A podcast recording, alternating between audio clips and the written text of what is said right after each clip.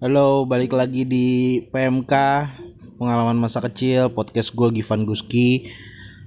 Gue lagi bingung sebenarnya Lagi bingung mau apa yang mau gue bahas gitu. Karena gue masih belum ketemu sama teman-teman gue Untuk ngobrolin masa kecil Untuk uh, ngobrolin hal-hal pengalamannya mereka. Tapi gue lagi uh, Kemarin sempat sakit juga. Jadi beberapa hari ini gue sakit dan uh, sakitnya menurut gue cukup mengganggu.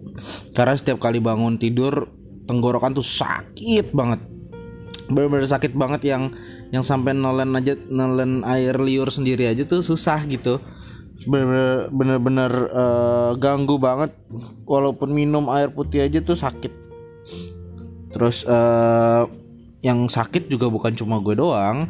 Yang sakit istri gue sakit uh, anak gue sakit gitu. Jadi kita bertiga tuh memang uh, sempat sakit bareng-bareng dan ya kondisi tanggal tua gitu. Terus juga uh, jadi kita bingung mau mau ngapain ya gitu. Gue juga tetap harus kerja ya. Karena gue tetap harus kerja gue paksain untuk uh, cari uh, jaringan internet gitu. Gue tetap uh, tetap harus bisa kerjain pekerjaan gue dari dari rumah ataupun dari uh, di mana pun yang ada internetnya. Gitu. Uh, menurut gue sih menurut gue ya gue jadi sakit itu setelah uh, kemarin sempat uh, perjalanan gue agak maksain sebenarnya. Karena uh, ada temen gue yang baru lahiran temen gue ini temen temen baik banget teman baik teman baik banget waktu waktu istri gue lahiran juga uh, dia datang gitu uh, selalu jengukin gitu. nah gue juga gue juga jengukin uh, waktu baru lahiran. Anaknya lucu anaknya perempuan. Uh, mamanya juga sehat lahirannya puji Tuhan gitu. Walaupun uh, dia cerita banyak perjuangannya gitu. Nah rumahnya mereka itu ada di Cijantung. Sedangkan gua gua istri gua sama anak gua berangkat dari Cengkareng. Ya buat yang di Jakarta pasti tahu jarak dari Cengkareng Jakarta Barat menuju ke Cijantung Jakarta Timur itu lumayan jauh. Gue belum ngitung sih berapa kilometernya gue belum belum menghitung. Tapi ya lumayan jauh karena uh, mungkin kalau gue terusin perjalanan itu dan lancar ya sekitar satu setengah sampai dua jam lah bisa sampai ke Cijantung dari Cengkareng. Tapi kemarin karena karena gue bawa anak gue masih umur satu tahun terus istri gue juga kondisinya lagi sebetulnya lagi nggak enak badannya. Uh, jadi kita berhenti berhenti gitu berhenti berhenti di di beberapa tempat uh, untuk makan untuk istirahat gitu. Terus juga uh, sempat sampai satu jalan di daerah Tanjung Barat situ deh di daerah Tanjung Barat. Jadi gue berangkat jam 2 siang jam 2 siang sampai di Tanjung Barat itu sekitar jam 5 jadi eh, sebenarnya kalau di terusin gitu apa jalan terus mungkin cuma satu jam lah sampai di Tanjung Barat. Tapi gue sampai di Tanjung Barat sekitar tiga jam.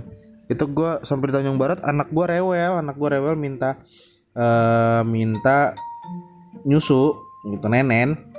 Nenen sama mamanya.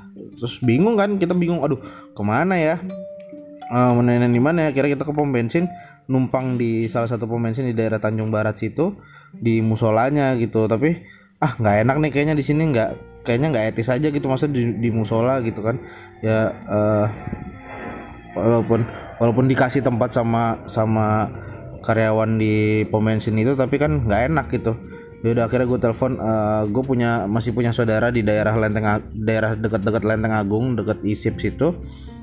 Uh, gue telepon lah gitu. Ada orang di rumah ada gitu. Ya udah akhirnya gue numpang di sana. Menumpang ya hampir berapa jam lah gitu. Kita, kita makan dulu istirahat dulu segala macam. Baru kita sampai di Cijantung itu sekitar jam 8 malam. Berangkat jam 2 sampai jam 8 malam di Cijantung.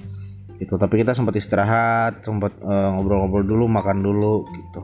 Nah besokannya kita, kita akhirnya nginep di dari Cijantung itu kita nginep kita uh, ngobrol-ngobrol lah sama sama teman gue itu yang baru lahiran gitu. Mereka juga mereka juga uh, ngurus anak ngurus anaknya sendiri. Tuh tanpa bantuan siapa pun. Ya kadang katanya uh, beberapa hari setelah lahiran itu ada bidan yang datang gitu. Tapi mereka sama kayak gue sama istri gue ngurus anaknya sendiri berdua lah berdua gitu. Mereka jadi satu tim itu jadi kita saling berbagi di situ. Terus uh, kita nginep. Besokannya berarti besokannya kita baru pulang tuh. Nah kita kan nggak enak kalau mau nginep lagi. Walaupun kondisinya sebetulnya istri gue udah lumayan uh, agak tambah parah penyakit sakitnya agak tambah parah gitu. Lemas uh, tulangnya sakit segala macam. Terus uh, badannya udah mulai uh, demam gitu gue akhirnya uh, bilang sama istri gue kita pulang aja yuk gitu. Kita pulang kita uh, perjalanan pulang kita perjalanan pulangnya lewatin jalan yang lain yang yang menurut gua oh ini kalau hari libur uh, lebih cepat nih gitu. Udah akhirnya kita ngelewatin jalur uh, dari lenteng dari Tanjung Barat Lenteng Agung pokoknya Tanjung Barat ke Kalibata Kalibata Pancoran terus ke kiri terus aja lewatin Selipi nah kita mampir sebentar di rumah nyokap gua. Nyokap gua rumahnya di uh, Palmerah gitu. Istirahat sebentar di sana baru kita balik lagi lewatin dan uh, grogol. Grogol terus ke Cengkareng. Nah uh, sakit tuh kita setelah itu kita sakit. Sebenarnya gue nggak sakit gue belum sakit. Gue belum sakit malamnya gue belum sakit. Istri gue sakit anak gue sakit. Ya udah gue gue yang ngurusin mereka gitu. Terus uh, besokannya tiba-tiba gue yang sakit juga.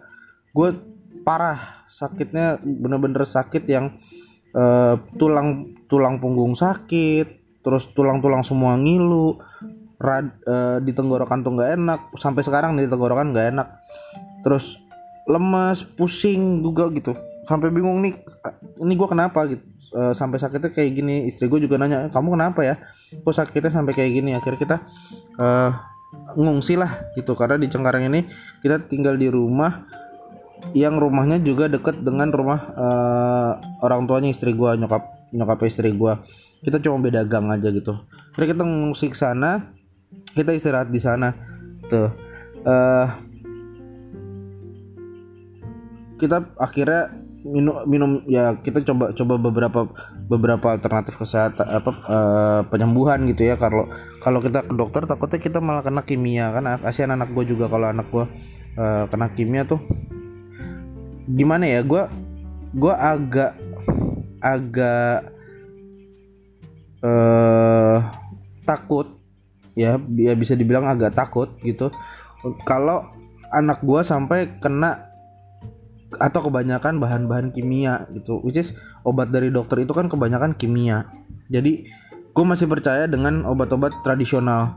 Karena uh, walaupun agak sulit dicari tapi obat tradisional ini kayaknya kok lebih ampuh gitu. Lebih lebih lebih bisa diterima sama tubuh gitu. Jadi gue gue sama istri gue malamnya jadi uh, hari berikutnya setelah gue balik dari jantung itu malamnya kita beli jamu. Jamu ada ada langganan gitu langganan istri gue punya ayu-ayu gitu beli jamu. Kita minum jamu. Gue jamu untuk sakit gue ya istri gue minum jamu untuk sakitnya dia gitu. Kita nanya lah sama ayu jamu itu karena ayu jamu itu uh, udah berpuluh-puluh tahun jualan jamu itu. Jadi dia udah tau lah kalau sakitnya ini uh, jamunya yang ini sakitnya ini jamunya yang ini terus nggak sengaja kita ketemu sama uh, security. Jadi biasanya kalau ada kalau ada security komplek kan ada yang ada yang uh, bisa pijat gitu ya yang yang biasa. Iya pak saya bisa nanganin uh, sakit kadang-kadang gitu ya. Ini sih apa uh, saya izin Allah gitu kan.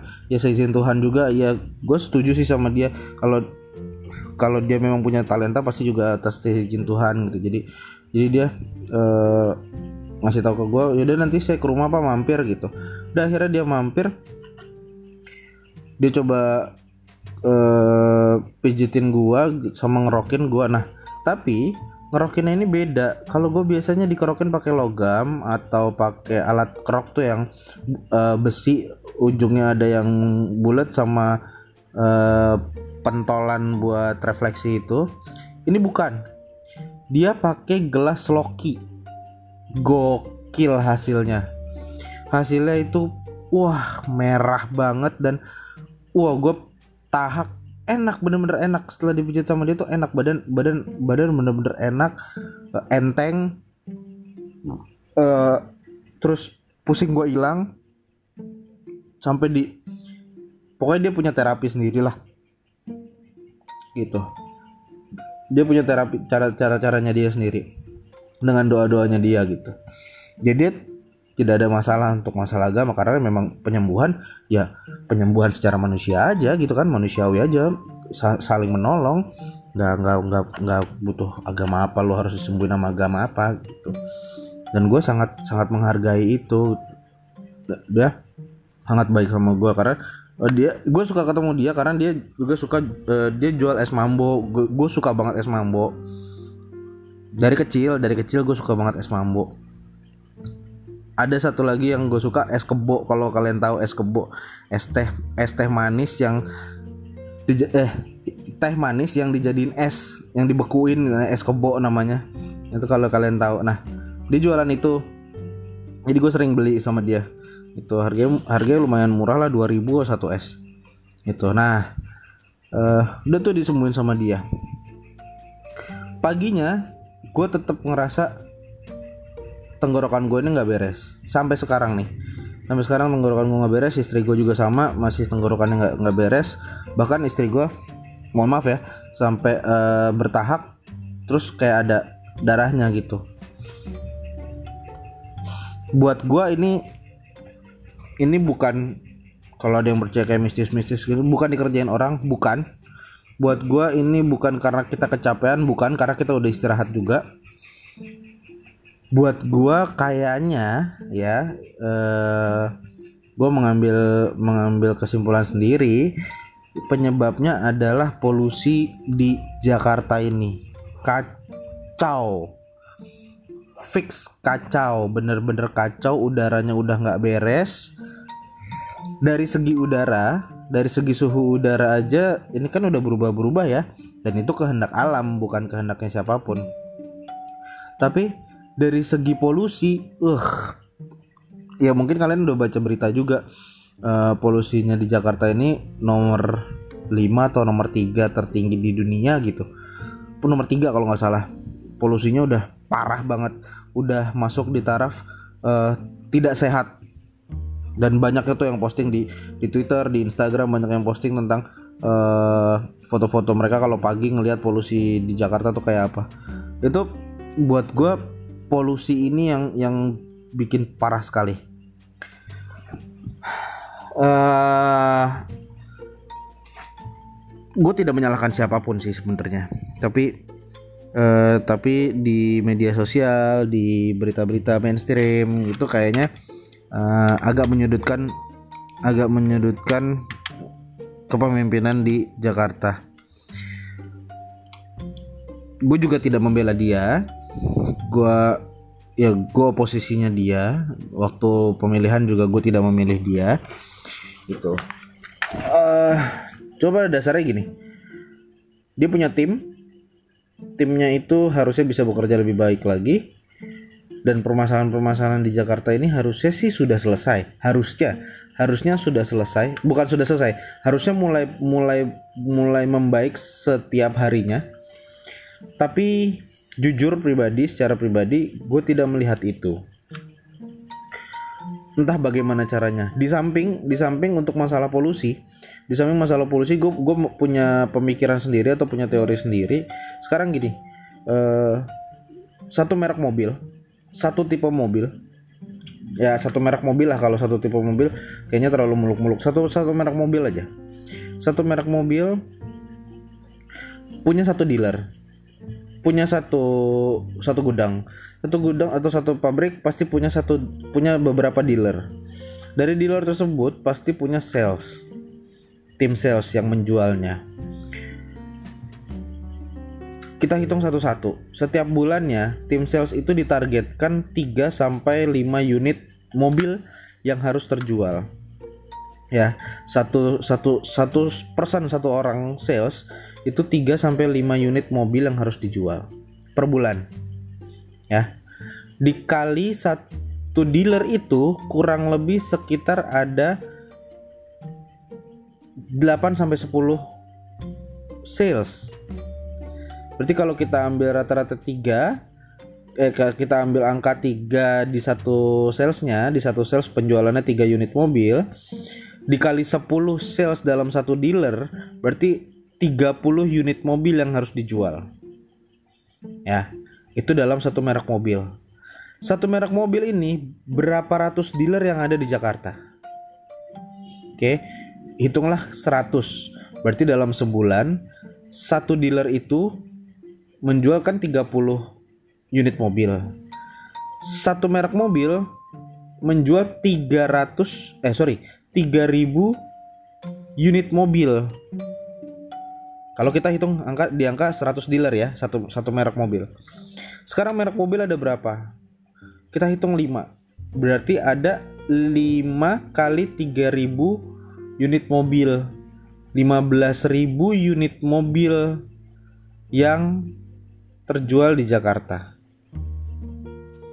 Bayangin, setiap bulannya 15.000 unit mobil yang terjual di Jakarta. Terus luasnya Jakarta hanya eh, berapa kilometer ya gue lupa ya segitulah kalau bisa dilihat di peta sekitaran lah anjing sekitaran. Segitulah pokoknya. Itu penambahannya 15.000 setiap bulan. 15.000 unit mobil. 15.000 itu nggak kecil bro. Sis. Nggak dikit. Banyak. Itu baru mobil. Gimana motor, gimana bus, gimana truk. Men.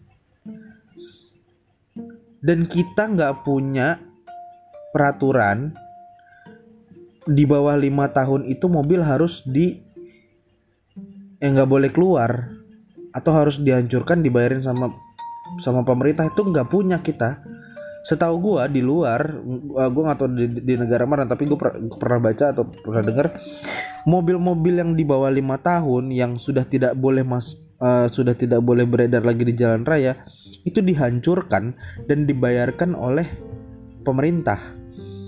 Untuk apa? Untuk didaur ulang kembali bahan-bahannya atau dijadikan produk-produk baru lagi. Mungkin bukan mobil tapi baru barang-barang baru lagi. Jadi di didaur ulang lagi gitu. Dihancurkan dan didaur ulang lagi. Mungkin teman-teman teman-teman pernah pernah lihat di film yang yang dihancurkan terus dibentuk jadi kotak terus uh, mereka dilebur dileburin lagi besi-besinya plastik-plastiknya dileburin lagi terus karet-karetnya juga dileburin lagi. Kita tidak punya itu. Yang kita bisa lakukan hanya membuang bangkai-bangkai mobil itu ke laut which is kalau itu dibuang ke laut ah gila. Mau sehancur apa laut kita? Ya kan nah semakin sulit untuk uh, mengurangi peredarannya mobil semakin banyaklah polusi ini terjadi di Jakarta. Ditambah lagi selain kendaraan polusi bakar sampah rokok. Gua nggak tahu ya vape itu termasuk di dalam di dalam polusi atau enggak tapi yang gua yang gua tahu yang namanya asap itu adalah benda padat bukan gas. Asap itu benda padat. Karena uh, ciri-ciri benda padat itu adalah yang bisa terlihat oleh mata. Jadi asap asap itu adalah benda padat bukan gas. Itu belum lagi asap pabrik belum lagi uh, ya global warming gitu. Nah, ini ini ini ini harus jadi concern sebetulnya uh, buat kita semua karena karena gue merasa ini polusinya udah parah banget sih udah udah di luar batas banget dan sekarang mungkin kalau lo bisa lihat di rumah sakit di dokter atau di dokter umum atau di klinik-klinik penyakitnya hampir sama semuanya masalah pernafasan, masalah tenggorokan, masalah paru-paru. Itu udah pasti. Udah banyak banget. Selain permasalahan dari segi uh, kualitas makanan, selain juga uh, dari segi kualitas air. Tapi untuk masalah pernapasan ISPA, uh, infeksi saluran pernapasan akut, tenggorokan juga radang, paru-paru juga banyak yang radang. Jadi uh, ini harusnya jadi concern sih buat buat gue ini harusnya jadi concern uh, pemerintah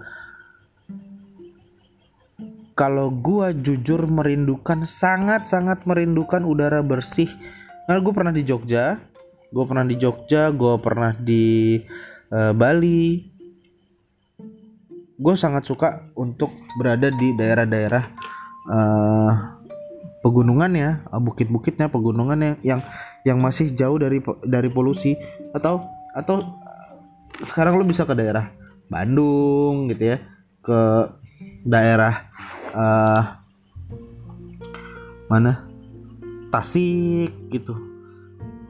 Garut atau ke puncak. Tapi kayak kayaknya puncak udah udah nggak seindah dulu kayaknya. Gue tuh tiap hampir tiap minggu lah almarhum bokap tuh gue selalu diajak ke puncak. Tuh tuh rasanya bener-bener yang orang bilang refreshing iya refreshing gitu. Refresh dari kepenatan di kota refresh udaranya itu. Kenapa kenapa almarhum bokap gue suka ngajak gue keluar eh ke puncak? Karena adik gue itu uh, yang perempuan adik gue itu punya asma sempat punya asma. Itu jadi pernapasannya memang harus di kayak di refresh terus gitu. Nah gue rindu akan hal itu di Jakarta khususnya di daerah Jakarta Barat ya gue sekarang ada di Jakarta Barat. Ini sulit sekali untuk mendapatkan udara yang segar. Gue terbiasa ada di daerah Jakarta Selatan karena menikah dengan uh, warga Jakarta Barat tuh ya. Ketika gue kembali ke selatan kadang gue juga merasa wah ini segar sih banyak pohonnya masih gitu.